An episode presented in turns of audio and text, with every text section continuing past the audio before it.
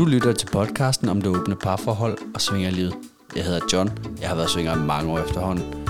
Og lever i dag et åbent parforhold med Mig, og jeg hedder Stina Maria. Jeg er seksolog og parterapeut, og jeg arbejder til daglig blandt andet med åbne parforhold. Velkommen til. Velkommen til. Så er vi kommet direkte ind i en af de der emner, vi har talt om i nogle år efterhånden, men ikke rigtig har fået lavet, fordi hvordan og hvorledes, og det er sådan en, det er lidt diffust emne, men ordentlighed Ja. er ligesom blevet navnet. Mm-hmm. Det der med at være ordentlig over for andre mennesker, man leger med, men også ordentlig over for hinanden. Og øh, ja, nu siger du sådan det der med, at det er noget, vi har talt om. Jeg tror også det der med at få et ord på det.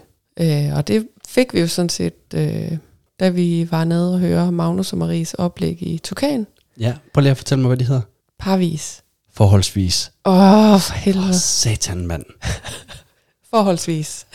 Der oplevede vi faktisk nogen, der, der ligesom også havde gjort sig en masse tanker omkring det. De havde bare fundet en masse fede ord og forklaringer på, hvad er det her ordentlighed, og hvordan er det? De tænker, man skal være ordentlig over for andre. Ja, fordi det er jo lige præcis det, du siger der. Når man nu er et par, altså selvfølgelig også når man er single, men når man er et par, så har man jo nogle interne regler, nogle interne måder, nogle interne sådan forståelse af, mm, hvad er det, vi kan gøre for at spille hinanden gode, hvad er det, vi kan gøre for at øh, tænde på den her leg, eller et eller andet, ikke? Og så øh, har vi også sådan, synes jeg, hørt efterhånden øh, nogen, der har udtrykt, at de føler sig lidt som brikker, eller hvad så med dem, I leger med, John og Stine? Er det så bare nogle, sådan nogle skakbrikker? Og det vil vi fandme aldrig nogensinde have. Vi gider ikke at bare lege med, med brækker. Folk de skal udgøre et eller andet, en del af vores leg. Og er gode, de er jo også mennesker, vi byder ind i vores leg. Og det forsøger vi. Det er, det, det, det er vigtigt for mig at understrege lige nu her med stor fed. Vi forsøger. Vi er ikke på nogen som helst måde perfekte. Men vi forsøger at være ordentlige mennesker og respektere dem, vi leger med som mennesker. Og det er jo klart, at der er konstellationer, hvor det er nemmere at ligesom, kan man sige, gribe mennesket og være ordentlig. Fordi der er nogle lege, hvor, øh, lad os bare sige, et øh, spontant setup med øh, et gangbang på mig, altså i en svingerklub. Det er jo klart, at det kan være svært lige at nå at give et nik og sige tak for hjælpen, eller tak for kampen, eller til alle. Men vi forsøger. så vidt som muligt. Og der er også noget ordentlighed for mig i den der spontane, okay, lad os lige køre det her gangbang. Folk byder sig til, og jeg forsøger på ordentlig vis, inden de overhovedet går i gang, lige grundrigsreglerne, for at gøre det nemt for dem, og, og deltage, at de ikke spekulerer på en masse ting. Det synes jeg egentlig også, det er ordentlighed. I stedet for, at man så kommer bagefter siger, åh, oh, du må ikke det der, eller midt ja. i processen. Ja, det var forkert, det der. Men ja. der er jo rigtig mange forskellige aspekter af ordentlighed. Altså, trods vi forsøger at være ordentlige, så er der helt sikkert også nogen, der vil påstå, at vi ikke var ordentlige over for dem i en eller anden situation. Helt sikkert. Helt sikkert. Og shout out til dem. Kom og sig det til os. For guds skyld, altid bare sig det til, om det er os eller det er andre. Hvis I ikke føler, I er ordentligt behandlet, så for guds skyld, sig det til menneskerne. Fordi på den måde, så kan vi øh, gøre os bedre, fordi har vi ikke været ordentlige over for nogen, så har det helt sikkert ikke været vores hensigt. Og derved kan vi godt komme til at være, skal vi bruge udtrykket, uordentlige. Ja, utilsigtet. Jo. Fordi vi, vi, vi vidste Mhm. ikke bedre. Og jeg synes jo også, at jeg tror tit, hvis man står tilbage med sådan en, øh, med en følelse af, at, at man ligesom er blevet efterladt i et eller andet efter en leg med nogen, så er det måske noget, der ikke er så forfærdeligt øh, svært at få ud af systemet. Men hvis man sådan går med det og øh, fortæller det til nogle andre, og så kan det vokse sig enormt stort, i stedet for at få det afsluttet der, hvor det startede. Fordi så er det måske bare, ej, jeg synes måske, at der var noget der, da vi legede sammen. Hvad, øh, er, er vi okay, og har jeg gjort noget forkert, og hvad kunne jeg gøre en anden gang? Nå, men det er helt okay. Der var lige en lille twist, men det har vi øh, styr på, og der var ikke noget, du kunne have gjort anderledes, eller I kunne have gjort anderledes. Du gjorde det helt rigtige. Bum, så lander den ligesom et eller andet sted, i stedet for at vokse sig stor. Vi skal også være bedre til og gode til at tage fat i dem, der måske ikke har været helt ordentlige, eller som, hvor, hvor vi egentlig føler os efterladt. Jeg tror egentlig, det er mere den følelse, man kan stå med. Og så øh, har jeg en ting, som jeg føler virkelig stor behov for at sige. Og jeg forsøger også at sige det til alle de mennesker, i situationen, hvor det opstår. Men det er noget for mig, øh, næsten er indbegrebet af uordentlighed. Det er, hvis man føler sig uretfærdigt behandlet i svingerklub, eller til private fester, eller til hvad fanden man deltager i, eller man synes, nogen har trådt over ens grænse, så sig det for helvede til mennesket, i stedet for at gå hjem og sætte dig i Facebook-grupper, eller på FedLife, eller hvad fanden du nu lufter ud for de her ting, og så skriv det derinde. Jeg bliver så irriteret på de mennesker, der gør det der. Og det er, det er jo en af de ting, der gør, at jeg bliver forsigtig på nogle ting, nogen måske vil synes om, men jeg har ikke lyst til at være et Facebook-emne søndag, fordi at jeg har været i klub lørdag, og nu har jeg lagt mig ved siden af den forkerte, eller jeg har øh, sagt noget forkert, eller jeg har rørt nogen forkert, eller så sig det til mig, så er vi alle sammen videre. Det er jo for mig indbegrebet af ordentlighed. Øh, vi har jo en gut i vores vennekreds, i en situation, hvor dig og ham laver noget til en fest, og øhm, du er sådan noget, du spørger lige hurtigt op, øh, er det okay, at jeg lige gør det her med ham? Og der, øh, jeg, jeg bliver forvirret, tror jeg, fordi jeg troede egentlig, var i gang. Og de kommer så hjem og overnatter hjemme også næste morgen, der er det det første, han gør. Det er, han siger, det er bare, du ved, jeg synes, der var et eller andet vibe der i går, jeg vil bare lige spørge, øh, om, om der var noget, fordi at, så, så kan jeg da forbedre det. Det er fandme også indbegrebet af ordentlighed. Lige og præcis. det giver, han havde en følelse af, at det, var, det, har jeg gjort noget forkert? Jamen, så spørger jeg bare lige. Den samme person ringede også til mig tidligere. Det var egentlig, inden vi sådan rigtig kendte hinanden. Fordi han så en, jeg engang havde set, og hun havde åbenbart lidt et eller andet med mig. Og så, jamen det gider han ikke det pisse. Så ringer han bare til mig. Jeg vidste ikke engang, han havde mit telefonnummer. og pludselig står jeg helt forvirret. Jamen det vil han bare lige. Han bare lige Ja. sikre sig, at øh, At alt var okay. der ikke var noget pis der. Det gider han ikke. Mm. Det er fandme ordentlighed. Så der er bestemt nogen, der mestrer det derude. Og egentlig så er det jo nok rigtig meget det der med at åbne munden. Og jeg tror også, det er jo egentlig også en form for ordentlighed. Og kan man sige, øve sig i at mærke sine grænser, kende sine grænser, sætte sine grænser i nuet. Fordi rigtig meget af det der, der måske opstår på bagkant, handler om, at man ikke i nuet har fået mærket efter og reageret på det, man egentlig følte i situationen. Og jeg tror nogle gange, at hvis man føler, at man blev behandlet uordentligt, så kunne man nok i situationen have, have gjort noget, også selv. Og det skal ikke være sådan noget victim blaming, det her overhovedet. Men vi be- bevæger os jo øh, for eksempel i klub, hvor der kan være nogle situationer, hvor der er en, der rækker ud og rører ved en, som man ikke har lyst til. Og hvis man ikke siger noget, det er ikke en stiltigende accept, fordi selvfølgelig skal du sige ja for at give samtykke, men i, den, i det her grænseland, hvor vi bevæger os, der har vi nok stadigvæk nødt til en gang imellem at sige nej tak og flytte hånden. Det tror jeg på. Og det er i hvert fald nemmere at handle på for alle mennesker. Præcis. Men ja, det er aldrig sjovt at skal afvise, og der er jo ikke nogen, der siger, at det her det er en nem kunst. Det er det sgu heller ikke for os altid. Men jeg synes absolut, det er et af de steder, hvor vi virkelig bør sætte ind mm. i forhold til ordentlighed. Og det er jo også øh, noget af det, vi har snakket om i noget tid, at nu vil vi godt prøve lige at lægge mere fokus på ordentlighed. Også fordi der kommer så mange nye mennesker til vores miljø, og hvordan, hvad kan vi gøre for at være med til at skabe større ordentlighed? Vi kan ikke rigtig gøre så meget i forhold til, at nogen altid føler sig krænket, altid nogen føler det ene og det andet, men vi kan gøre alt, hvad der overhovedet står i os magt for at hjælpe folk med at sige fra i situationen, for ikke at stå med det på bagkant, og så lære af hinanden. Jo, og jeg synes jo et eller andet sted også det her med at behandle andre mennesker som mennesker, fordi det kunne være dig, der. Ja. står på den anden side næste gang. ikke. Jeg synes også, øh, vi har taget den op nogle gange også, øh, hvordan, det her med, hvordan er man over for den partner, som man har i gåseøjne lånt øh, partneren til, hvis det giver mening. Hvis nu, at der er en eller anden mand, der øh, øh, spørger mig til en date, og vi tager ud sammen, og øh, jeg kommer hjem, og hvordan skal han agere over for dig i det der? Og der er, jo no, der er det jo så forskelligt, om manden, øh, eller kan man sige, den, der, der låner ud i godsøjen, gerne vil have et tak for lån, om øh, vedkommende gerne vil have en high five, om altså, hvordan og hvorledes. Ikke? Og der synes jeg jo, den, den fineste kunst i det, og, og måden, hvorpå at den, der er, er legekammeraten her, kan være ordentlig over for parforholdet, er jo ved, at den vedkommende er på date med, ved, hvad sin partner gerne vil have. Det er jo været en diskussion nærmest siden, at, at det her miljø kom på de sociale medier, ikke?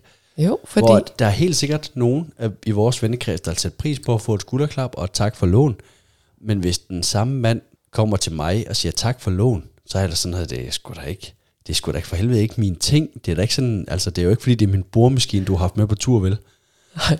Ja, du vil næsten følelsen, at det var off, hvis de gjorde det, ikke også? Ja, Ja. Der, jeg vil da, altså, der vil jeg da hellere, at han kommer og, og stikker mig en high five, og siger, hun mm. er kraftig med med med røvhul nu. Men altså, det var godt. Eller fedt, at øh, jeg lige øh, kunne få lov. Og, øh, Så at gøre det. Man, man kan Altså- hurtigt træde ved siden af. ja, og der synes jeg, det er den, øh, der er ude sammen med det andet menneske, der har ansvaret for, at det der, det bliver godt. Og jeg synes jo også sådan, jeg vil jo gerne, at de mennesker, som vi involverer os med uden for vores parforhold, er nogle mennesker, som viser en interesse for den anden. Altså ja. For partneren. Ja, ja, ja, for fanden. Og det kan jo sagtens bare være, at man spørger til, Nå, hvad laver din kone eller mand så i dag? Eller det kan også være, hvis nogen, det er nogen, man ser flere gange, som i hvert fald på et eller andet måde på et tidspunkt har et ønske om at møde min partner. Altså sådan har jeg det i hvert fald, hvis jeg er ude med nogen, ikke? Det er da helt sikkert, det er da også noget af det, der er rigtig meget ordentlighed i. Men nu kommer det her jo sådan ligesom lidt til at, at være sådan en, en, lille, en lille tema, tror jeg, vi gerne vil forsøge at holde i en periode. Så øh, hvis I nu sidder derude og lytter med, så er vi både på noget mail og på noget øh, Facebook og noget Instagram og noget haløjsa. Og har I en eller anden situation, hvor I synes, der er vi fucking blevet behandlet rigtig ordentligt. På, de, på den fedeste vis har virkelig haft sådan en, en god følelse i maven. Så vil vi gerne høre det. Men der også i den situation, hvor I er blevet behandlet fuldstændig fucked up, uordentligt, I synes, det er det mest uretfærdige, I nogensinde har prøvet, så vil det også mega fedt at høre. Jeg kunne godt tænke mig at læse nogle af de der forskellige situationer, og prøve at, faktisk også for os selv at kan prøve at blive bedre til at skabe ordentlighed. Ja, og hvis, øh, hvis vi får nok historier, så, øh, så tænker jeg da, at vi kan lave en, et helt afsnit, hvor vi læser historien op og snakker om, jamen, hvad kunne man egentlig have gjort i stedet for, eller hvad var der virkelig godt ved det her eksempel? Det kunne kraftigt blive fedt. Ja, så Det synes jeg. send noget. Send et eller andet afsted med jer. Nu har ja. vi jo så talt med øh, Stina ved sit parvis. Jeg vil påstå, at vi har talt med forholdsvis omkring det her ordentlighed, fordi de jo har en masse fede ord for det. Så skal vi ikke tage og lytte til dem, og så tager vi lige en, øh, en hurtig speaker på den anden side. Fordi der kommer noget med noget erotic world, og der kommer noget med nogle foredrag i Tukan, der kommer noget med noget foredrag øh, på Sjælland, på Fyn. Der er en masse ting. ja, Så vi kunne blive ved. vi lytter til dem, og så tales vi lige hurtigt ved på den anden side. Vi har fået øh, gæster her i vores lille studie, så men velkommen til. Tak. Og øh, Tak. vil I lige fortælle lidt om jer selv? Ja, gerne. Øhm, jeg hedder Magnus. Jeg har min kone Marie med her. Vi har et lille øh, firma, der hedder Forholdsvis. Øhm, vis på forhold. Og vi er seksologer og øh, relationsterapeuter og har en lang øh, historie igennem en masse forskellige øh, sexpositive miljøer. Så vi lærer, ja, laver en masse workshops og undervisning og terapi og, og så videre, særligt inden for de åbne relationer. Skal vi lige høre, hvem der ellers er her? Ja, øh, jamen jeg hedder Marie, og øh, jeg får lyst til at tilføje, at øh, vi laver seksuel undervisning. Det er faktisk en af de øh, store ting, vi laver på efterskoler og højskoler. Bare også for, at det ikke kun er de åbne øh, relationer. Vi har glædet os til at komme i dag. Det er spændende. Det er nyt for os at være på podcast, men øh, det er spændende. Jamen, vi er også glædet os rigtig meget til, at I skulle komme, fordi at, øh, vi oplevede jo jer første gang som forholdsvis i Tukan til workshop. Jeg kan ikke engang huske, hvad det var for en workshop. Var det den første, I holdt? Hvad hed den? Skab det trygge fundament. Tror en om, om jalousi og misundelse, og vi har lavet noget om fundamentet og basis for at komme ind i den her verden, og vi har lavet En om vi kommunikation. om kommunikation har vi lavet derude, og så har vi lavet noget til helt nye i den verden, men det var nok ikke den, I var med i. Åh, oh, vi deltager glædeligt i det hele.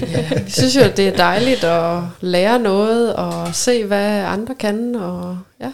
Ja, jeg tror, vi har, øh, vi har været i Tukan siden 12, for første gang vi var i Tukan. Og da vi øh, startede der, der var vi øh, helt nye i alt det her.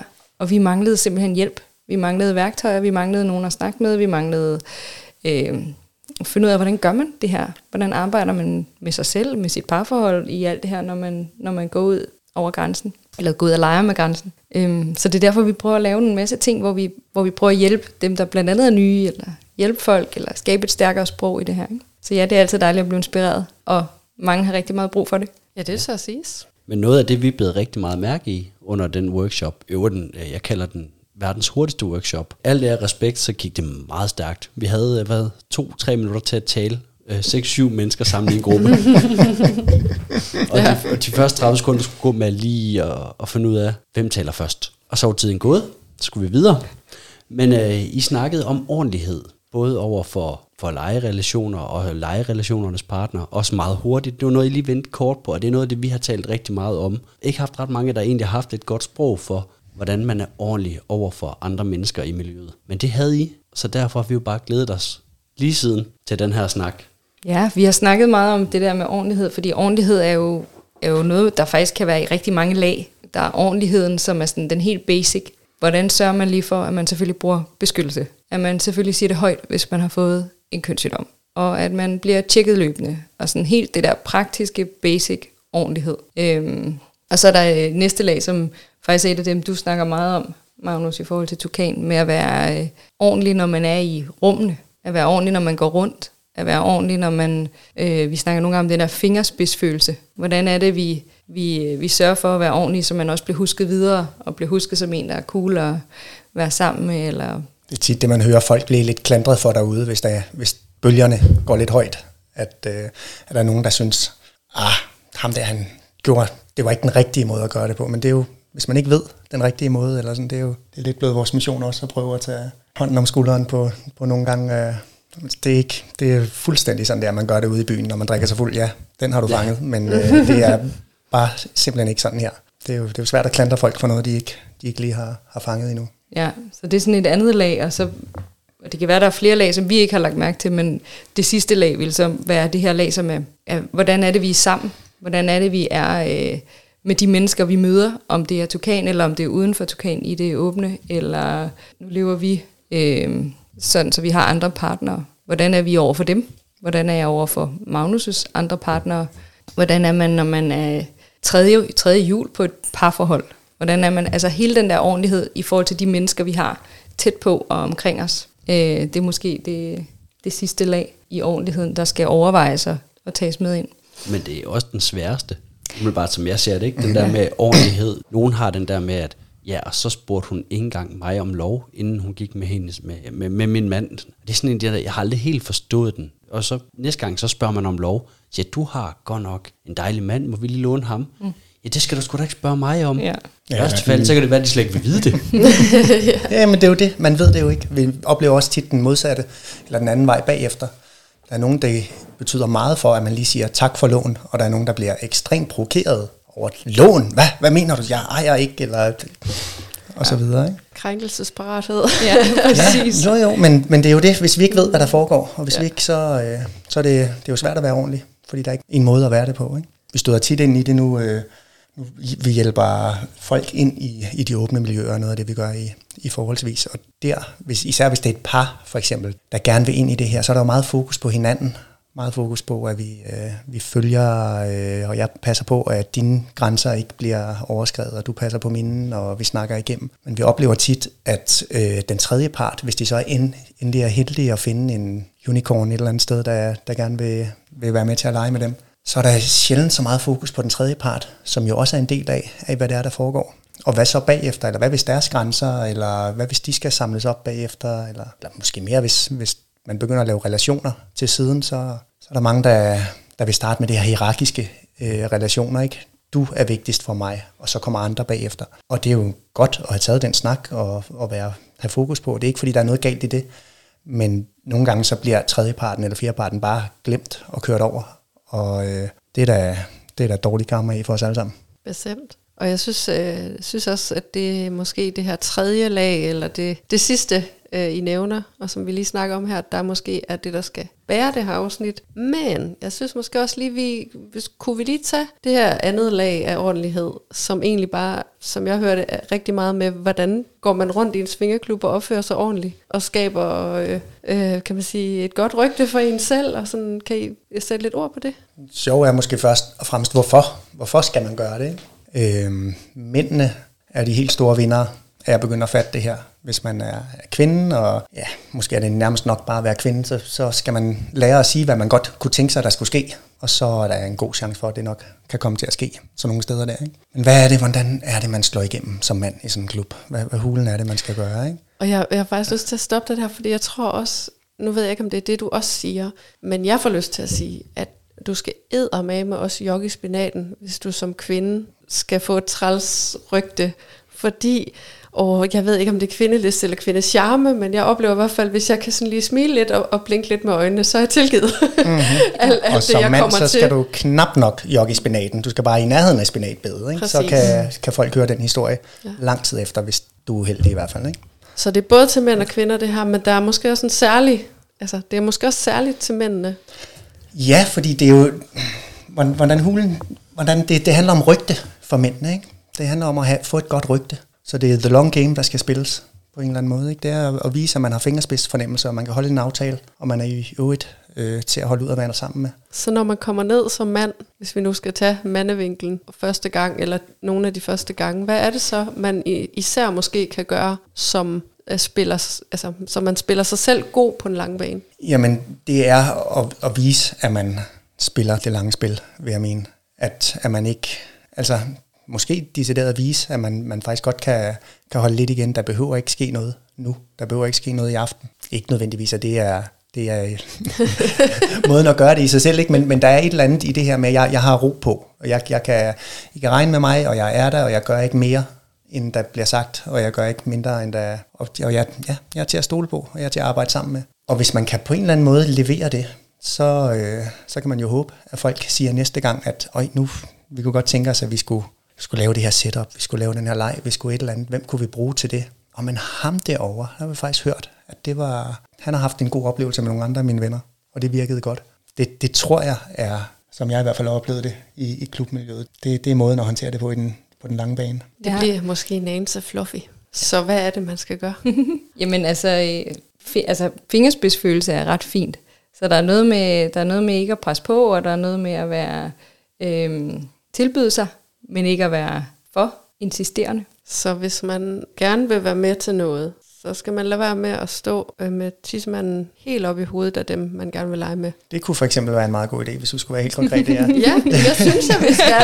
Vores lyttere, de er vant til ligesom at få den penslet ud. Så ja, mm. så lidt respekt omkring det, der foregår, man egentlig gerne vil være med til. Ja, der bliver, der bliver tit kørt på singlemændene i den her verden. Ikke? Det er, der går nok en, ikke en, en måned uden der er et, et vredt opslag på diverse grupper over, nu kan vi nu ikke snart lige få styr på alle de her forfærdelige singlemænd. Hvor jeg i øvrigt godt nogle gange kunne savne, at, at de kvinder, der godt kan lide, eller et par, eller hvem det nu er, der godt kan lide, at singlemændene er lidt påtrængende, de også lige meldte sig på banen og sagde, vi synes faktisk, det er meget fedt.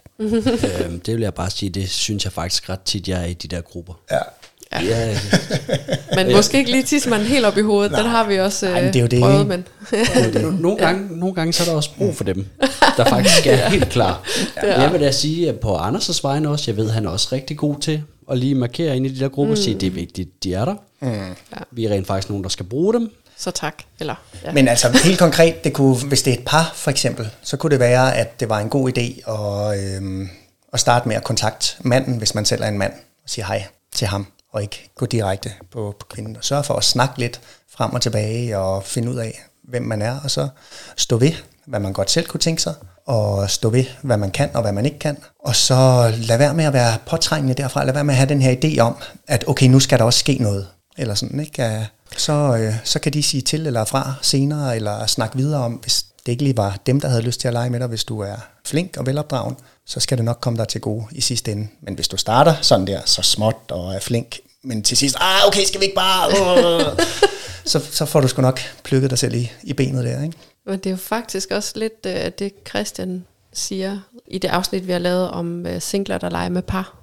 Ja. Ikke? Altså den her med faktisk at skabe sig ligesom et netværk, sådan mm. sige, okay, hej, jeg hedder sådan og sådan, og øh, I øh, ser sød og rar ud, og så nu går jeg herover. Så det er i virkeligheden måske den der sådan aggressive øh, scorekaj, man mm. lige skal chille lidt med. Er det Yes, I nikker. Det kan ja, man ikke nej, høre. det kan man ikke høre. Hele problemet ved den tilgang, det er, at der er også altid de der, der bare går på, på, på, på, på, på, på. Skal vi knæppe fuck, du lækker, Nå, men det var nej, gå videre til den næste, fuck, du lækker, hej, skal vi knip? Og der er altid nogen, der ikke kan få os til at sige nej. så, så de får noget. De får noget alligevel, og det er jo i min optik problem nummer et. Det er, at de jo rent faktisk får noget på at stå med penge helt op mm. i hovedet af, af mennesker, der ikke har lyst til det, eller siger, "Ah, skal vi knæppe? Jamen det er det.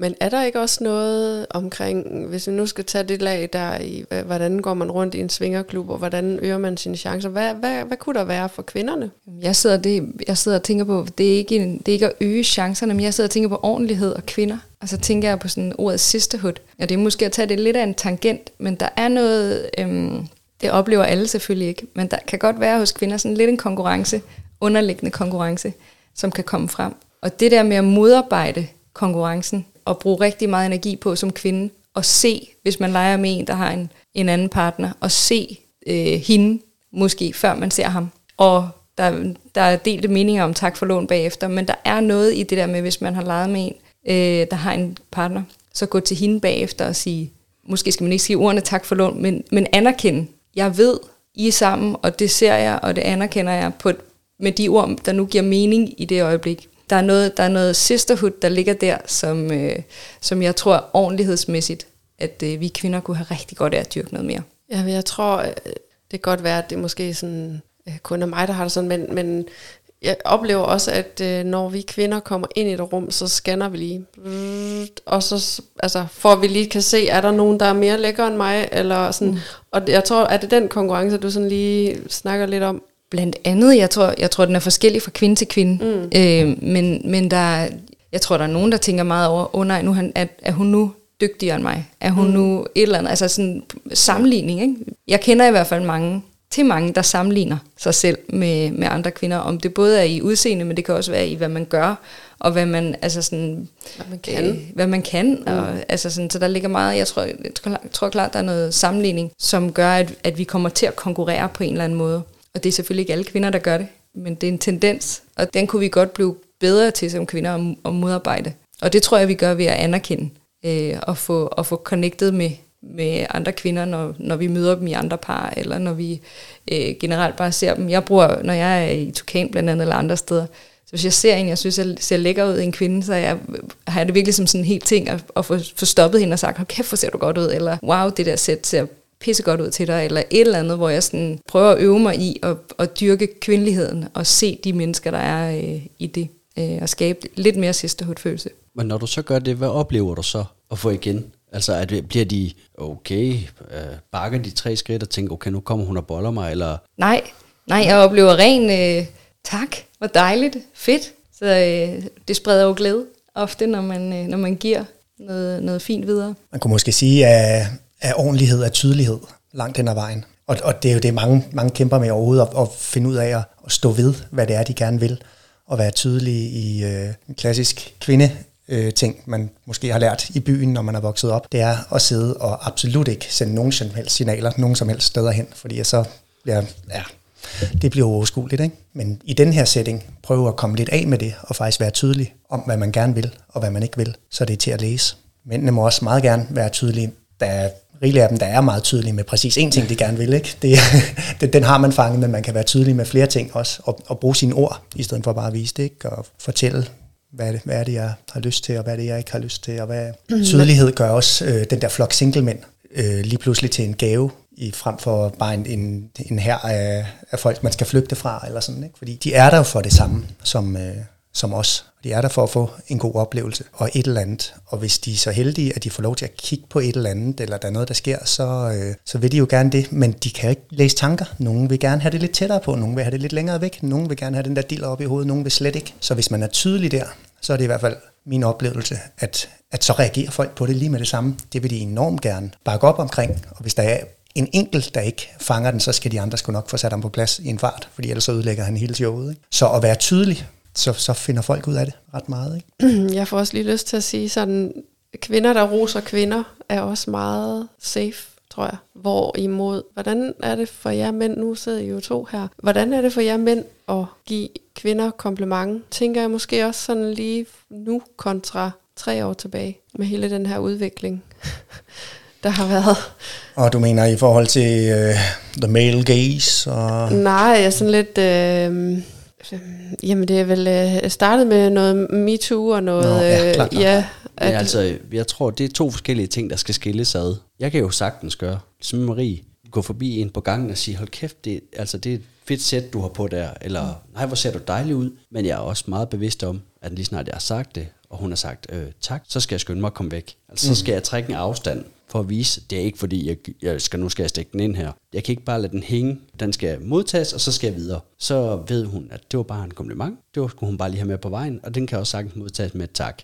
Men i forhold til, når du siger det der med, med fem år tilbage, så er det jo det, vi nogle gange snakker om, hvor at nu I jo også kommet i miljøet i mange år. For, for fem, syv år siden, der kunne jeg godt stå ned i, i Svingerklubben, og så kunne jeg godt lægge armen omkring en, og så kunne jeg ligesom åbne en samtale på den måde, og så kunne man ret hurtigt mærke, når okay, men var det i orden, eller var Man kunne ligesom gå på den der fornemmelse. I dag, der kunne jeg knap nok finde på at prikke ind på skulderen, fordi at, okay, nu, altså, man kan hurtigt få nogen krænket på vejen. Jo, i den grad. Og det er jo, det er jo igen, det er fingerspidsfornemmelse at forstå situationen og forstå, hvor man er. Der er nogle andre regler i, i den klub, end der vil være i en BDSM-klub, eller der vil være på en tantrisk ophold, eller der vil være i byen, eller der vil være, altså, det er jo virkelig at forstå konteksten. I øvrigt et godt tricks, det der med lige at få, få trukket sig, så snart komplimenten har været der. Det, den, den, den kan... Den bruger jeg Ja, rigtig ja. meget. Jamen, det giver rigtig god mening. Og så skynder jeg mig at sondere, om der er en ja. Mand et eller andet sted, der bliver for, fornærmet, eller ja. skal vi ud i en situation her. Jeg har haft en enkelt situation en gang, hvor jeg talte til et, øh, det var tydeligvis deres første besøg, den klassiske øh, lidt buff type og hans meget nydelige unge dame, og de gik rundt hånd i hånd, og han strak hende ligesom rundt. De var på jagt efter den her pige, den her ene hjørne, de lige skulle have nakket. På et tidspunkt hen sidst på aftenen, der går hun lidt alene og kigger rundt op på gangen, og så siger jeg, at han gik den vej i ren og skær høflighed, for jeg kunne godt se, at hun har skulle lige mistet ham lidt i farten. Og så går jeg ned og sætter mig i de der massagestole, og så går der måske en time, så går de forbi op ad gangen og kommer så tilbage igen. Og så kommer han med sådan en klassisk, øh, jeg frister kalde det en Randers attitude, sådan en, hvor der er du talt til min dame, eller hvad? Sådan noget, øh, ja, jeg tror, du er blevet væk fra hende, så jeg fortalte bare, hvor du var henne. Og så pustede han sig jo op, og jeg skulle fandme ikke tale til hans dame igen. Sjovt. Der kan jeg jo godt lide, at der er jeg jo rigtig meget på hjemmebane dernede. Det var han tydeligvis ikke. Nej, så jeg er bestemt utrolig ikke. rolig. Ja. Og tænkte, åh, lige nu der er jeg faktisk der, hvor det kunne være lidt sjovt, hvis du lige skubbede mig lidt, fordi så er det dig, der er på vej ud, og ikke mig. Men øh, han fik aldrig nogensinde overtaget på den der, fordi at han var alt, alt for langt væk fra hans hjemmebane. Jeg har aldrig set dem siden. Nej. Men det er jo et vildt godt eksempel på, hvad, hvad der er normal kutume et sted, og bestemt ikke normal kutume et andet sted. Ikke? Og, det, og det ser man igen, og især, der kommer mange, mange nye i i de her år. Og der, er- der er virkelig mange, der er... Oh, yes. Altså, det er bare så tydeligt, at de falder fuldstændig igennem. Og det kan måske også være udfordringen, fordi jeg, jeg hører også lidt, I siger det her med, at man, man skal tage afsted, og så skal man måske lige prøve at, at suge indtryk til sig, og så spejle sig lidt i, hvad gør de andre? Men hvis de andre, de også er nye, så bliver der lige pludselig sådan en hel øh, her af, af nye, der, der forsøger at, at føle sig frem, men de har ikke nogen gamle at spejle sig i, Nej. i forhold til, hvordan man opfører sig. Det tror jeg også nogle gange, eller nu det er lang tid siden, jeg har været til Young Swingers, men det er nogle gange også udfordringen der, ikke? Fordi der kommer så mange nye. I den grad. Der er fyldt med unge, smukke mennesker, men øh, der sker ofte ikke så meget. Og så er der nogle lukkede døre. Øh, sådan for at runde den her med niveau 2, eller hvad vi skal kalde det af, med hvad der, hvordan der var ledes i klubberne, så sådan måske lige, øh, I har sagt det lidt, men måske lige forsøge lige at få den helt på plads, men hvordan vil I, hvis I var interesseret i at lege med øh, en ja, modsatte køn fra et par, eller med parret, hvordan vil I så gå hen til det par for at vise, at I havde interesse? Ja, det er sjovt, fordi uh, det er jeg enormt dårlig til. øh, jamen, det er jeg Det simpelthen. havde jeg ikke set komme. øh, det, øh, men jeg har, jeg har fået øvet mig i, i den her tid, og det var faktisk det var spændende at komme i gang med at øve sig igen. Første gang jeg var alene afsted, så selvom jeg følte mig hjemme og havde været der i mange år i klubben og, og så videre, så var jeg bare sådan slået tilbage til sodavandsdiskoteket, og jeg var 13 år gammel og ikke vidste overhovedet, hvad fuglen jeg skulle stille op, eller hvordan jeg skulle noget som helst. Og det der med at, at nærme mig nogen og, og sige hej igen, og, og føle mig sådan, ej, så tror hun bare, jeg vil bolle eller et eller andet. Jeg vil gerne bolle eller et eller andet. Men altså det, der var virkelig, øh, det var virkelig te- selvterapi på, på højt niveau. Der var, der var noget at, at få fat i der. Ikke? Øhm, jamen, hvordan hulen, hvordan hulen gør jeg det? Jamen, hvis de nu at? Ja. ja. John og jeg, vi står oppe i baren, og øh, du kommer hen, eller du kommer forbi og så tænker, åh, oh, det kunne også være lidt sjovt at lege med dem. Mm. Du går hen imod os for at skabe en eller anden form for kontakt. Hvordan starter du? Hvem henvender du dig til? Jamen, øh, jeg vil nok henvende mig til, medmindre der var et eller andet, der var i øjenfaldene, som ligesom lige er det, det der, jeg kan gå på. Ikke? Det gælder om at få noget fælles tredje, når vi skal have, have åbnet samtalen op. Så mindre, at en af os har en påfugl på hovedet. Ja, som vi lige kan, kan snakke om. Ikke? Mm. Så, øh, så, så vil det vil nok være John, jeg vil henvende mig til, medmindre at, at det lige gav, gav mening på en anden måde. Ikke? Og så er det jo lidt prøvende at stikke, øh, stikke tærne i, øh, i vandet og mærke temperaturen. Er det, er det badevand det her, eller skal jeg til at komme videre? Og nogen, der er de dygtige til at snakke, og så kommer samtalen af sig selv. Og andre, der kan man egentlig godt mærke, at de vil egentlig gerne snakke, men kan ikke helt finde ud af, af samtalen, så skal man lidt mere tage, tage, tage ansvaret for det også. Ikke? Øhm, men, men altså, jeg kan i hvert fald sige, hvad jeg, ikke, hvad jeg prøver at holde op med at gøre, som var min dårlige strategi i mine yngre år. Det var at stå længe og sådan tænke over, når jeg skal over til dem, og så skal jeg sige, det er ligesom om der er en kode, hvis jeg kan sige den rigtige række ord her, så kommer det til at virke, og så prøve at regne den ud i forvejen. Det ender bare af helvede til. Jeg kan bare se, der står hjørnet står så, så, så det der med at komme, komme over og være så autentisk som muligt, eller være, altså øh, sætte min mund i frigir, og så se, hvad vej vi kommer. Ikke? Men det er som sagt, det er bestemt ikke min stærke situation, det her. Hvad, hvad Jamen, jeg, du? tror, jeg tror faktisk, jeg, øh, hvis jeg skulle, skulle gå hen til et par og, og spørge, så ville jeg klart øh, gå til hende først. Altså øh, det der med at, at sørge for, at der blev skabt sådan en, hey, har jeg har noget samhørighed, øh, før jeg ville vende mig om eller inddrage manden, tror jeg.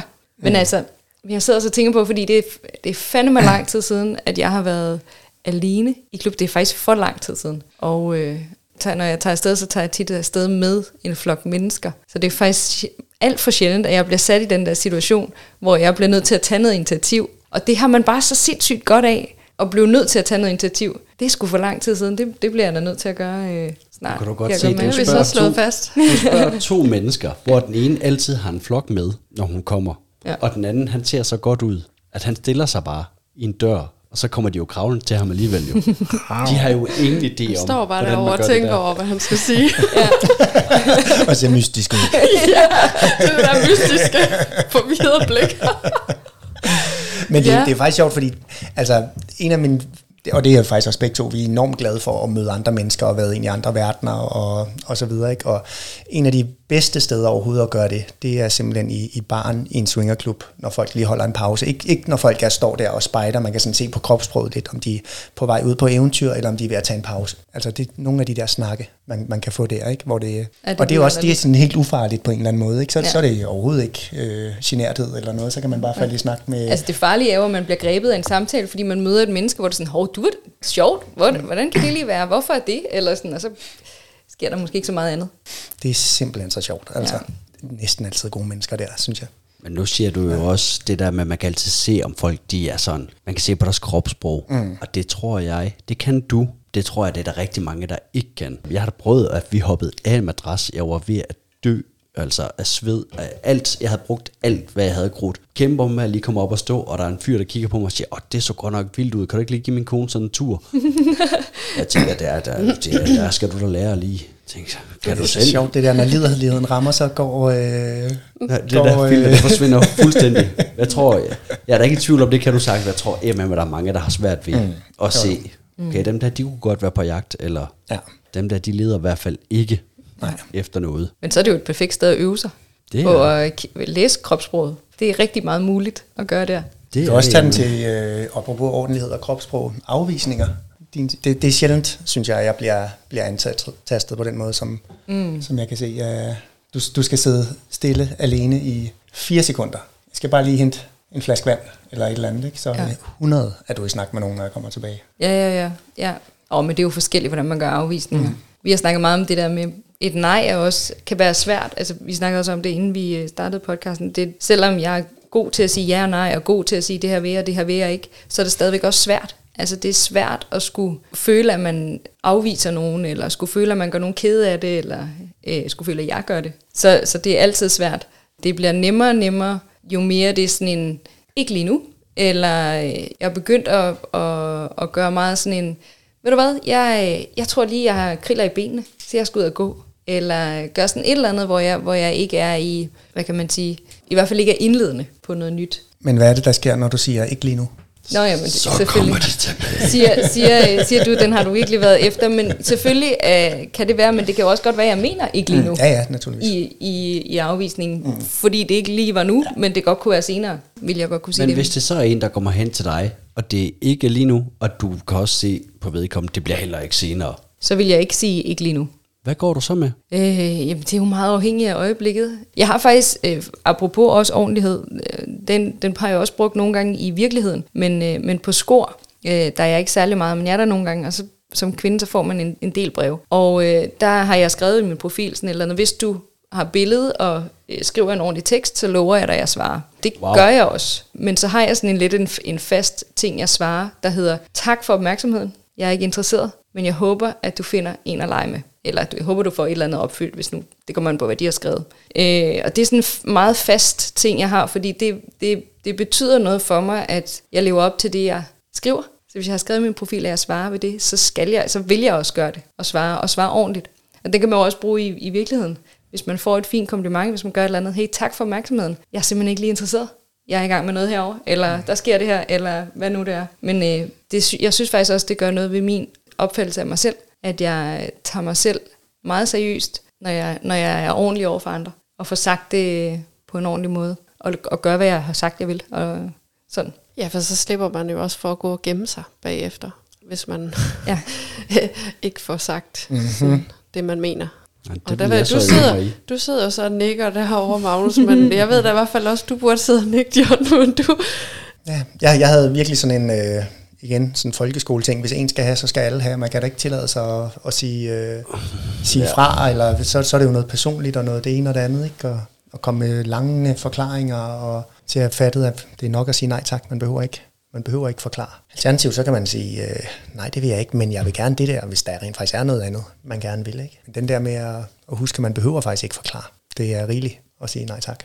Øh, Jeg tror faktisk også, som du siger, øhm, Marie, det der med, at det, er det er jo virkelig ordentligt at sige tak for det kompliment, der kommer. Mm. Altså jeg bruger også at sige tak for tilbuddet, men øh, det har jeg ikke lige lyst til, eller, mm. øh, eller nej tak, passer dårligt, eller hvad det nu lige er. Ikke? Mm. Men, men det der med at sige øh, tak, fordi du roser mig, tak fordi du kommer med et tilbud, mm.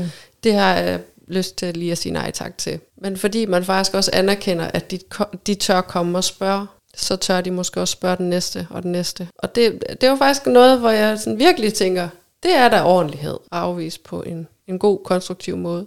Det, det tænker jeg, der er, bag alt det her, øh, hvis vi kan få den der karma-boomerang i gang. Det er jo hele miljøet, og det skal nok komme tilbage til os selv. Jo, jo mere vi, vi gør ting på den cool måde. Og hvad er det? Det er den måde, hvor når vi tænker tilbage på det et år efter, så bliver vi faktisk lidt stolte af os selv. Det er ikke den der, hvor vi lige sådan, ah, kommer til, eller oh, vi får lidt i maven, eller et eller andet. Ikke? Og det, det er sjældent den nemme måde.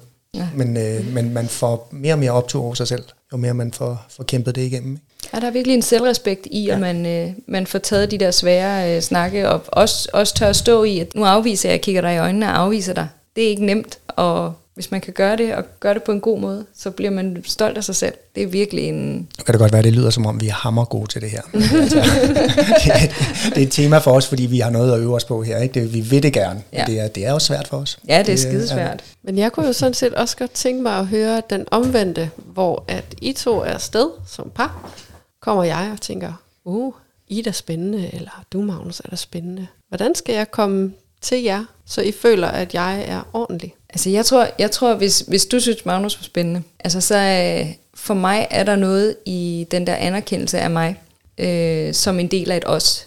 Så det er altså en eller anden form for Aner- anerkendelse af mig. Anerkendelse af, af fluffy. Det er ligesom, når vi har gæster, der siger, så skal man bare lige mærke efter. Ja.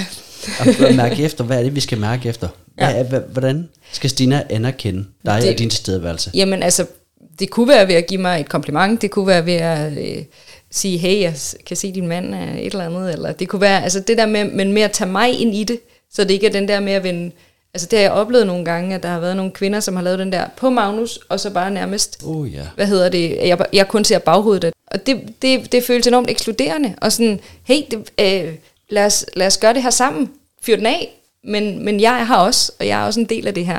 Så det der med, altså det kan være, og det kan være så simpelt som øjenkontakt, en, et smil eller et lille kompliment, eller det, kan- det kan være meget simpelt og småt, men der er, et eller andet, der er simpelthen noget ved at lige sådan, at jeg får følelsen af, at, at vi er her sammen, og vi gør det her sammen, øh, selvom vi måske ikke ender med at gøre noget sammen. Og hvad så, hvis John kommer hen og tænker, hende Marie der, det kunne da være lidt spændende. Og I står der sammen. Hvordan skal han så komme hen til jer? Jamen det er jo generelt i de her approaches, så er, så er det jo det er ikke så meget, hvad man gør, men hvad den anden føler i ens tilstedeværelse. At sådan meget klassisk maskulin, så skal jeg føle mig respekteret af John, og så skal jeg øh, ikke have nogen bekymringer for, om det bliver en dårlig oplevelse for Marie på en eller anden måde. Ikke? Jeg skal ikke lige få en vibe af et eller andet eller et eller andet. Ikke? Det tror jeg sådan set, det er de to ting. Jeg skal lige føle mig respekteret og anerkendt, og jeg skal føle, at det, det er trygt for mig, så jeg lige kan give slip på min beskytter over for Marie. Og jeg synes jo, det, det er interessant, fordi grund til, at jeg også vil have jer til at svare på det, det er jo fordi, jeg, jeg sidder jo også med en oplevelse af, altså det er jo logik for perlehøns, at hvis jeg vil noget med øh, Magnus, Marie, så er det dig, jeg skal, mm. altså jeg skal hen til dig og skabe mm. et eller andet, og, øh, og med far for, at jeg ikke rigtig får vist ham, hvad jeg faktisk også er interesseret i ham, ikke? Mm. Ja. Fordi den kan jeg da også godt nogle gange stå med og tænke, jamen de der mænd, de snakker bare til dig, John. Ikke? Så de vil mig overhovedet ikke, men ja. hvis jeg tænker mig om, så forstår jeg godt. Så hele, hele det her med, at man faktisk skal virkelig tænke over, hvem det er, man approacher, når det er, man gerne vil lege med den ene eller begge fra et par. Og så er der også et eller andet med tid i det her. Man har ikke uendelig meget tid i klubben. Ja, aftenen er lang, og man ved ikke, hvad parne er, så der er også, der er også noget med at komme til sagen, uden selvfølgelig at være, være for, for direkte, ikke? men når man lige har, har fundet hinanden, og okay, det er faktisk okay, jeg sidder her, det, det er jo altid en god indikator, må jeg sidde ned, eller sådan, ikke? man kan mærke, eller man kan fornemme, om man må sidde ned, eller hvad det er. Så hvis der er noget, man gerne vil, så kom nogenlunde til sagen. Og så er det også fint at kunne, kunne rejse sig op igen, og når man fint og god jagt, eller senere, eller så behøver man ikke, hvis det var et nej, at sidde og snakke hele aftenen derefter, eller... Men det her med, at tiden tigger, uden at det skal være stresset, men finde ud af, få sagt, hvad det er, der skal ske, og få givet et tilbud og stå ved det. Eller sådan. Men man kan jo også altid gå med den der, jeg synes, I virker rigtig søde, og mm. hvis I, eller hvis ja. du kunne tænke dig noget med mig, så øh, er jeg åben for det, ja. øh, og så går man. Mm. Fordi hvis det så er, så kan det være, der skal lige clears noget, mm. hvis man er lidt available over hjørnet, og mm. sidder og tænker over, hvad man skal sige, mm. øh, så finder de en. Vi snakker jo også jævnligt om det der med, fordi nu siger du sådan noget, kaldte du det womanhood eller... Sisterhood. Sisterhood, ja. Vi drøfter jo ofte, at hvis mænd de vil noget med Stina eller med os, så kommer de nærmest på automatik til mig. Det er sådan en, det er en bro-code, det er sådan, det fungerer, det er det, man gør. Hvorimod, at øh, hvis kvinderne vil noget med mig eller med os, så kommer de også til mig. Og det er jo der, hvor jeg synes, det er lige præcis det med at bare se baghovedet. Og jeg har egentlig ikke tænkt så meget over det først, når hun begyndte at tale sæt. Hun tog mig slet ikke. Nej, det gjorde hun faktisk ikke. Men man, alligevel så har jeg da også bemærket, at ah, okay, det var måske ikke så interessant. Og det kan jo godt være det, altså. Det kan jeg se i bagspejlet, at det var da så også, fordi hun lå slet ikke mærke til, at jeg havde min kone med. Ja, altså det, det giver, jeg synes jo sådan helt personligt, at det kan give mange forskellige følelser. Jeg kan, jeg kan blive enormt vred, og så kan jeg også øh, tænke, altså hvad, hvad fanden tror du selv? Tror jeg. Det er selvfølgelig også en vrede, ikke? Men jeg bliver også enormt glad og, og villig og billig, havde jeg sagt, når der faktisk kommer et øh, kvindemenneske og, og dame flytter lidt med mig. Og selvom hun ikke har lyst til, at jeg skal være med i den der ting der. Mm. Øh, selvfølgelig øh, for mig er fedest, hvis jeg må. Men, men faktisk, at hun ser mig så meget, hvor jeg bare tænker, ja, du skal da bare have et stykke med min, med min mand, ikke? Altså i stedet for at, at føle, hvorfor, hvad tænker du, jeg skal låne dig noget som helst? What the fuck? ja. Det er jo den der følelse af, at vi skaber noget sammen. Eller sådan, jo mere, jo mere positiv følelse man har over for et andet menneske, jo mere får man jo sådan en, ja da, fyr den af, øh, nyd det, men der skal åbnes op lidt først. Ja, men øh, vi må også hellere videre til øh, den til helt store den level. Tredje, og den har vi så ikke så meget tid til, men altså. Nej. Seksologer, I går bare rock. så sidder jeg herovre og mærker efter. Ja, så ordentlighed. Jeg tænker jo også både, der er noget, hvordan er man ordentlig over for en, man møder uden for sit parforhold? Hvordan er man ordentlig over for dennes eventuelle partner? Og hvordan er de alle sammen ordentlige over for jer? Hvad har I af tanker om, om de ting? Åh, oh, vi har masser. Vi har arbejdet rigtig meget med det her. Og, og jeg har lyst til at sige, ligesom du sagde før, Magnus, øh, vi har arbejdet rigtig og snakket rigtig meget om det her, fordi vi også kæmper med det. At øh, når man har andre mennesker, faktisk øh, Løstrup øh, sagde, jeg kan ikke huske fuldstændig citatet, så øh, Ingen har med mig. et andet menneske at gøre, uden også at bære dettes liv i sine hænder. Ja, sådan noget lignende. Ja. Der, er bare, der er noget ret stærkt i, at jo mere man overvejer at tage folk ind i sit forhold, hvordan det nu end er, man gør det, om det er at tage klub, eller om det er at begynde at se folk udenfor, og date andre, så tager man dem ind i sit, altså man bliver en del af deres liv, og det skal man tage seriøst. Øh, det, er, det er ikke bare noget, man kan gøre, og så forventer sig, og så smutter man igen. Eller det kan man jo i princippet godt, men det er ikke særlig ordentligt. Så der er, noget med, der er virkelig noget med at få passet på de mennesker. Det er også en, øh, et kæmpe ansvar at leve åbent og tage folk ind i ens parforhold på den ene eller den anden måde, eller ind i ens forhold eller relationer. Det er et kæmpe ansvar, fordi man står lige pludselig og skal passe på dem, og passe på hinanden samtidig, og ofte når man snakker åbne forhold, så snakker man det her primære parforhold som, som det store, og at folk bliver taget ind i det primære. Og det er fint, men der, der er simpelthen noget i, at hvis, hvis det primære er dem, der skal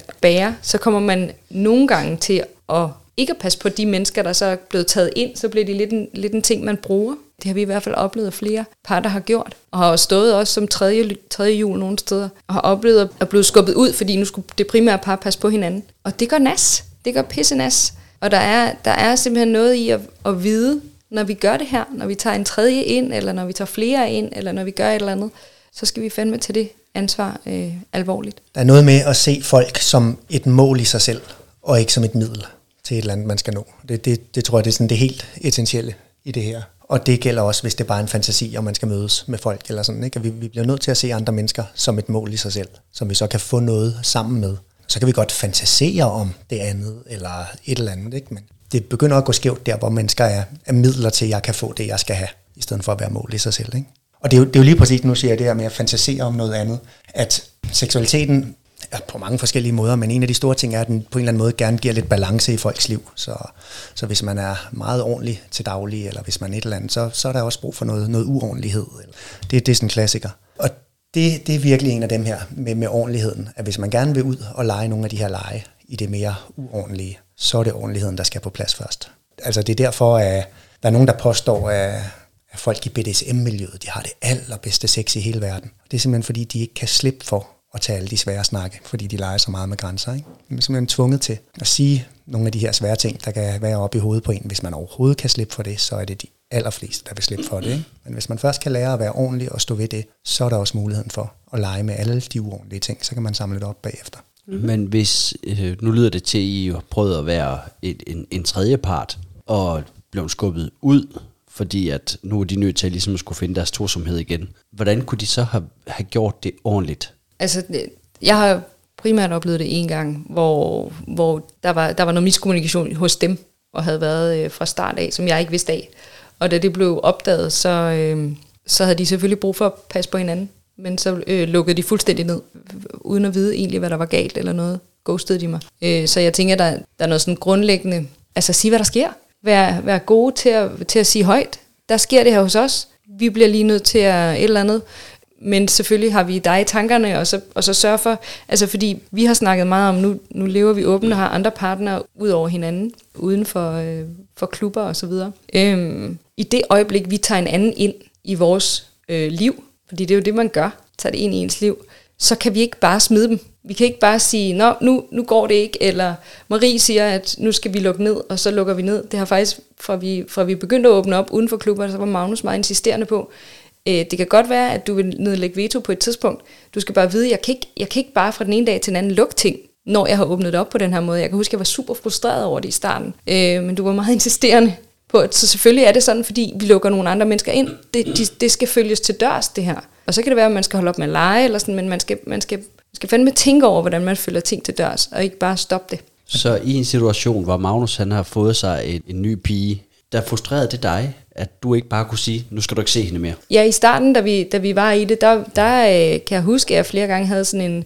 Altså, frustrationen er at gå fra, at jeg havde på en eller anden måde vetoret over, over Magnus, og hvor, hvor vi var meget mere øh, en tosomhed, end vi måske er nu. Der tror jeg også, jeg havde sådan en følelse af, at jeg kunne på en eller anden måde sætte det på prøve, sætte ham på prøve, sætte vores forhold. Altså, var det nu, øh, var, er jeg nu så vigtig for ham, øh, ved, at, ved at kræve, at han på en eller anden måde kunne droppe, hvad han havde i hænderne, ikke? Øh, og jeg gjorde det ikke, og har ikke gjort det. Men vi har, vi har snakket om det nogle gange, når jeg har haft, været, været frustreret og været ked af det. Og der har Magnus altid været sådan, jamen, prøv at høre, jeg, kan ikke, jeg vil ikke. Når jeg tager et andet menneske ind, så tager jeg et andet menneske ind, eller sådan, det skal jeg behandle ordentligt, og det skal jeg behandle respektfuldt. Så det har været, det, har du været, det var du meget insisterende på i starten, hvilket jeg er super meget øh, glad for nu. Det var jeg ikke altid dengang. Men det er, jo, det er jo en klar ting, og det er jo ikke, det er jo ikke bare Marie, det oplever man tit at høre om, at, at folk vil gerne afprøve. Jo, det er, det er så usikkert lige der, når man begynder at åbne op og så videre, ikke? Og hvordan, hvordan, kan vi, hvordan kan jeg teste, hvordan kan jeg øh, stressteste parforholdet i det her, ikke? Og det, er jo, det giver jo mening. Hvis jeg nu siger, virker det så, eller virker det ikke? Stop. Det, det kan man godt, og man kan også godt stoppe. Man kan bare ikke, ikke efterlade. Altså man kan ikke bare slukke telefonen, eller være med at svare, eller der, der er vi ikke der, hvor man er stolt, når man kigger tilbage om et år. Det er man ikke. Nej, det er jo netop der, nu er så Skåb laver snakker om dynamisk parforhold, og det kan jeg egentlig godt lide ideen om. Men det, man skal bare huske på, når man arbejder dynamisk, det er jo, at det er det primære, der åbner lidt op, og lukker lidt ind igen, og åbner lidt op, og sådan, hvornår det lige passer. Og det, det er jo der, det bliver farligt i forhold til, hvem man har på sidelinjen. Hvis de bare skal stå klar, når man åbner op, og så lukker man i igen, og så skal de stå klar igen, altså, eller bliver droppet, når man lukker i. Der, der er noget der, man i hvert fald skal overveje, hvis man lever dynamisk. Men er der forskel på, hvor meget man er inde? Øh, der kommer en ind i et af, af jeres liv. Hvad er det? En date? To dates? Altså, hvornår er man inde, så man skal have en eller anden form for plads i det der? Altså, jeg vil, jeg vil sige, der er, der er ikke, det handler ikke om, hvor lang tid, i forhold til, om man skal behandles ordentligt. Vi øh, har en, en ting med, hvis vi har, har været sammen med nogen, som vi faktisk ikke engang har set før eller noget, så prøver vi at skrive en besked dagen efter. Mm-hmm. Tak, for, tak for en god oplevelse. Eller bare sådan den der anerkendelse ja. dagen efter. Ikke? Tak for i går. Det, ja, det, det gør vi ret meget ud af. Og det er også, selvom vi ikke har lyst til at gøre det igen, eller sådan, ikke? men anerkende, at det er sket bagefter. Ikke? irriterende gode mennesker. Ja. altså, nu lyder vi også virkelig gode, ikke? Altså, det, er, altså, det, det er noget, vi øver os på, det her, ikke? Jeg bemærker godt, at han sagde, at vi prøver på. Ja, præcis. Men det gør, det lytter folk ikke til. Men det hører de ikke. Jeg vil bare komme med, altså, altså det, er jo, det, det kan godt være, at det er hårdt lige, når det sker, men det er jo dejligt at, det er dejligt at være venner med sin ekskærester. Det betyder ikke, at man behøver at se sin ekskærester altid igen, ikke? men det er, det er dejligt at have en fin relation bagefter. Det, mm. det får man det godt af, når man tænker tilbage, i stedet for at man lige krummer tær hver gang og bliver sur. Ja, fordi jeg tror også godt, jeg kan forstå det her med tak for i går. Og jeg kan også godt forstå det her med, hvis det er en, man har set i et halvt år, at så, så slår man op, som var det en kæreste, og får lov at græde og, og slå, eller hvad det nu er, man, man kan finde på, når man bliver forladt, ikke? Øh, og, og bliver ligesom samlet op i det. Men, men alle dem der, der så måske er ind imellem, dem man har set syv gange, mm. for eksempel. Hvor er vi henne der? Hvad, hvad vil være ordentligt, hvis man ligesom det kommer an, der? Det er irriterende svært, det kommer an på, hvem det er, og men, hvad ens relation har været i det. Men det er noget af det, der er svært i det her, ikke? fordi vi, vi kan alle sammen godt lide at sige goddag, men det er lidt svært at sige farvel. Og når man lige pludselig har, har, er i en verden, hvor det er muligt at lære folk at kende og komme tæt på, man får hurtigt skovlet folk ind, og det er jo det nemme, det er jo, det er jo farvel, der er svært. Ellers så får man fyldt. Der er en, den store begrænsende faktor, det er tid. Der er bare ikke mere tid, end der er. Der er rigeligt med kærlighed, eller sex, eller penge, eller berømmelse, eller alt muligt, hvis man lærer at få det. Men den begrænsede ressource, det er tiden. Ikke? Og hvis man ikke lærer at sige farvel, så, øh, jamen, så får man fyldt sin tid op, og så kan der ikke komme noget nyt. Så kan man ikke sige hej til nogen nye, eller sådan. Ikke? Og det er jo, ja, farvel er afvisningen på en eller anden måde, man skal øve sig på. Ikke? Og det er, det er svært. Den, den kæmper vi med ja, selv. Ikke? Fordi det er jo, ofte er det folk, som, jeg kan godt, enormt godt lide den her person, og jeg synes, det er fedt, det vi har sammen, men jeg har ikke tid til mere i mit liv. Og så er det jo rimeligt, at, at personer bliver kede af det, og får lov at reagere, og, og så videre, hvis, hvis, man, hvis man er i gang med at sige, sige farvel. Og det skal der være plads til. Så er det jo om at, at få sagt det så, så kort og præcist som muligt, og så give, give rum for, at der kan blive reageret. Så må man jo tage den derfra, uden at man kan kontrollere det hele. Ikke? Der går du ikke med sådan en Marie-løsning med, Måske senere. Eller på et andet tidspunkt. Jeg, jeg kan sgu godt udskyde sådan noget der, fordi jeg synes også, det er enormt hårdt og svært. Altså, det, hvis det er nogen, jeg har delt mere end en enkelt eller to oplevelser med, så er det jo nogen, jeg godt kan lide. Altså, det kan jeg jo godt. Det er ikke fordi, der lige er sket et eller andet, og så vil jeg der ikke mere. Eller, vi, øh, ja. vi har arbejdet ret meget med ærlighed i forhold til at være, når man møder nogle nye, så være ærlig om, hvad man kan give, hvad vi kan give. Jeg har et enormt travlt liv, og, og jeg har to øh, forhold kørende. Og det vil sige, at der er meget, meget lidt tid til at hive nye mennesker ind, der er vedvarende og lange forhold. Øhm, så jeg er enormt ærlig, når jeg møder folk og siger, jeg kan godt mærke, at vi har en god kemi, jeg kan godt mærke et eller andet. Jeg kan ikke give dig mere end, end hvad jeg kan her. Vi kan ses til det her, eller jeg kan give dig et eller andet. Øh, og det kan være enormt hårdt og enormt, øh, hvad kan man sige... Øh, folk kan blive ret ked af det, man er vant, måske mere vant til at sige, åh oh, ja, god kemi, ja, lad os mødes igen, lad os gøre det igen. Og, øh, og så får man ikke lige gjort det, og så går du ud i sandet eller sådan noget. Der, der er også noget ordentlighed i at, at være sådan, det kan jeg godt se, vi har en god kemi. Jeg kan sgu ikke give dig mere, end at vi kan mødes i Tukan en gang imellem, øh, eller hvad det nu kan være, ikke? Men at være ærlig omkring, hvad man kan give, og hvor meget overskud man har i øjeblikket, det tror jeg er Og vigtigt. det er væsentligt lettere at lige være med det først, end at skulle sige det for resten bagefter. Ikke? Ja. Det, det, øh, det kan godt være, at det ikke er det mest sexede at sige sådan i, i indledningen, og lige sådan, at jeg kan kun og det ene og det andet, men det er det, er det fede sted at få det sagt. Det, det føles, føles dumt at sige bagefter. Ja. men stadigvæk vigtigere at få sagt bagefter end slet ikke. Det var sgu meget lækkert, det der, men altså... Ja, så lækkert var det sgu heller ikke.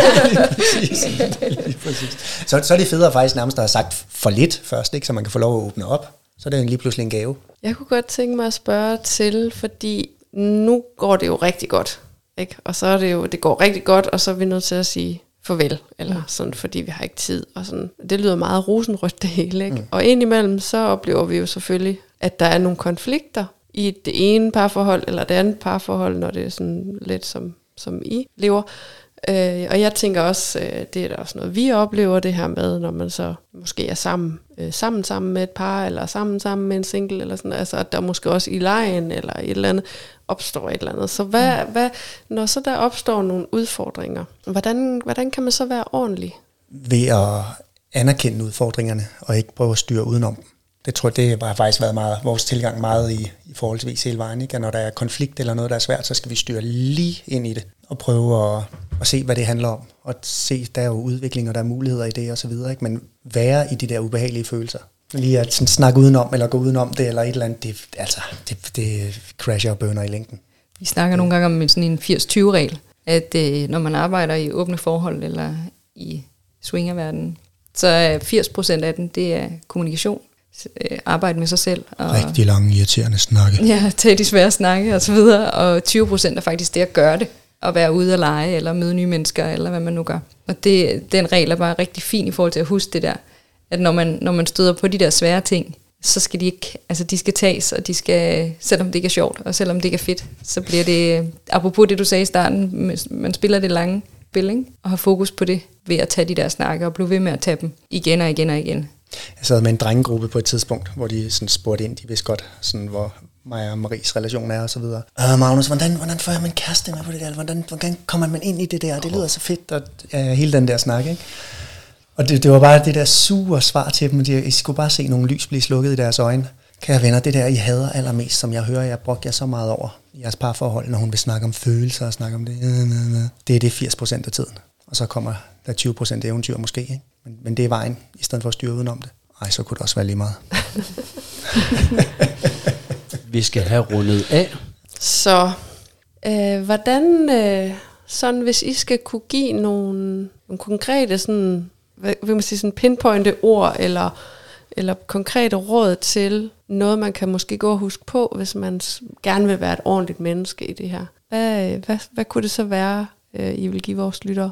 Jeg tror, det første, det er at øve sig på at få et sprog for alle de her ting. Der er nogen, der, er nogen, der siger, at man skal ikke gøre noget, man ikke kan finde ud af at snakke om. Jeg, jeg er ikke helt med på den. den. Den synes jeg faktisk ikke holder helt. Men, men der er alligevel noget visdom i det, ikke? At, at finde ud af, okay, hvad er det, der faktisk interesserer mig for det, og prøve at øve sig i, og, og snakke om det. Det er svært at være ordentlig, uden at være tydelig. Jeg har altså også lyst til at tage det der spil, det lange spil.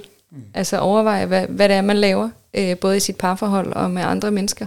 Og at øh, det er bedre, at man har et godt rygte omkring sig, og at man øh, behandler folk ordentligt, for det er det, der karmamæssigt vender tilbage, og, og, og det, der gør, det, gør, at man får et, et godt liv i det, i hele det her åbne på den lange sigt. Og det er ikke sagt i sådan en øh, overnaturlig form af karma. Det, Nej. det er sådan helt, øh, helt nede på jorden, at det har det med at vende tilbage.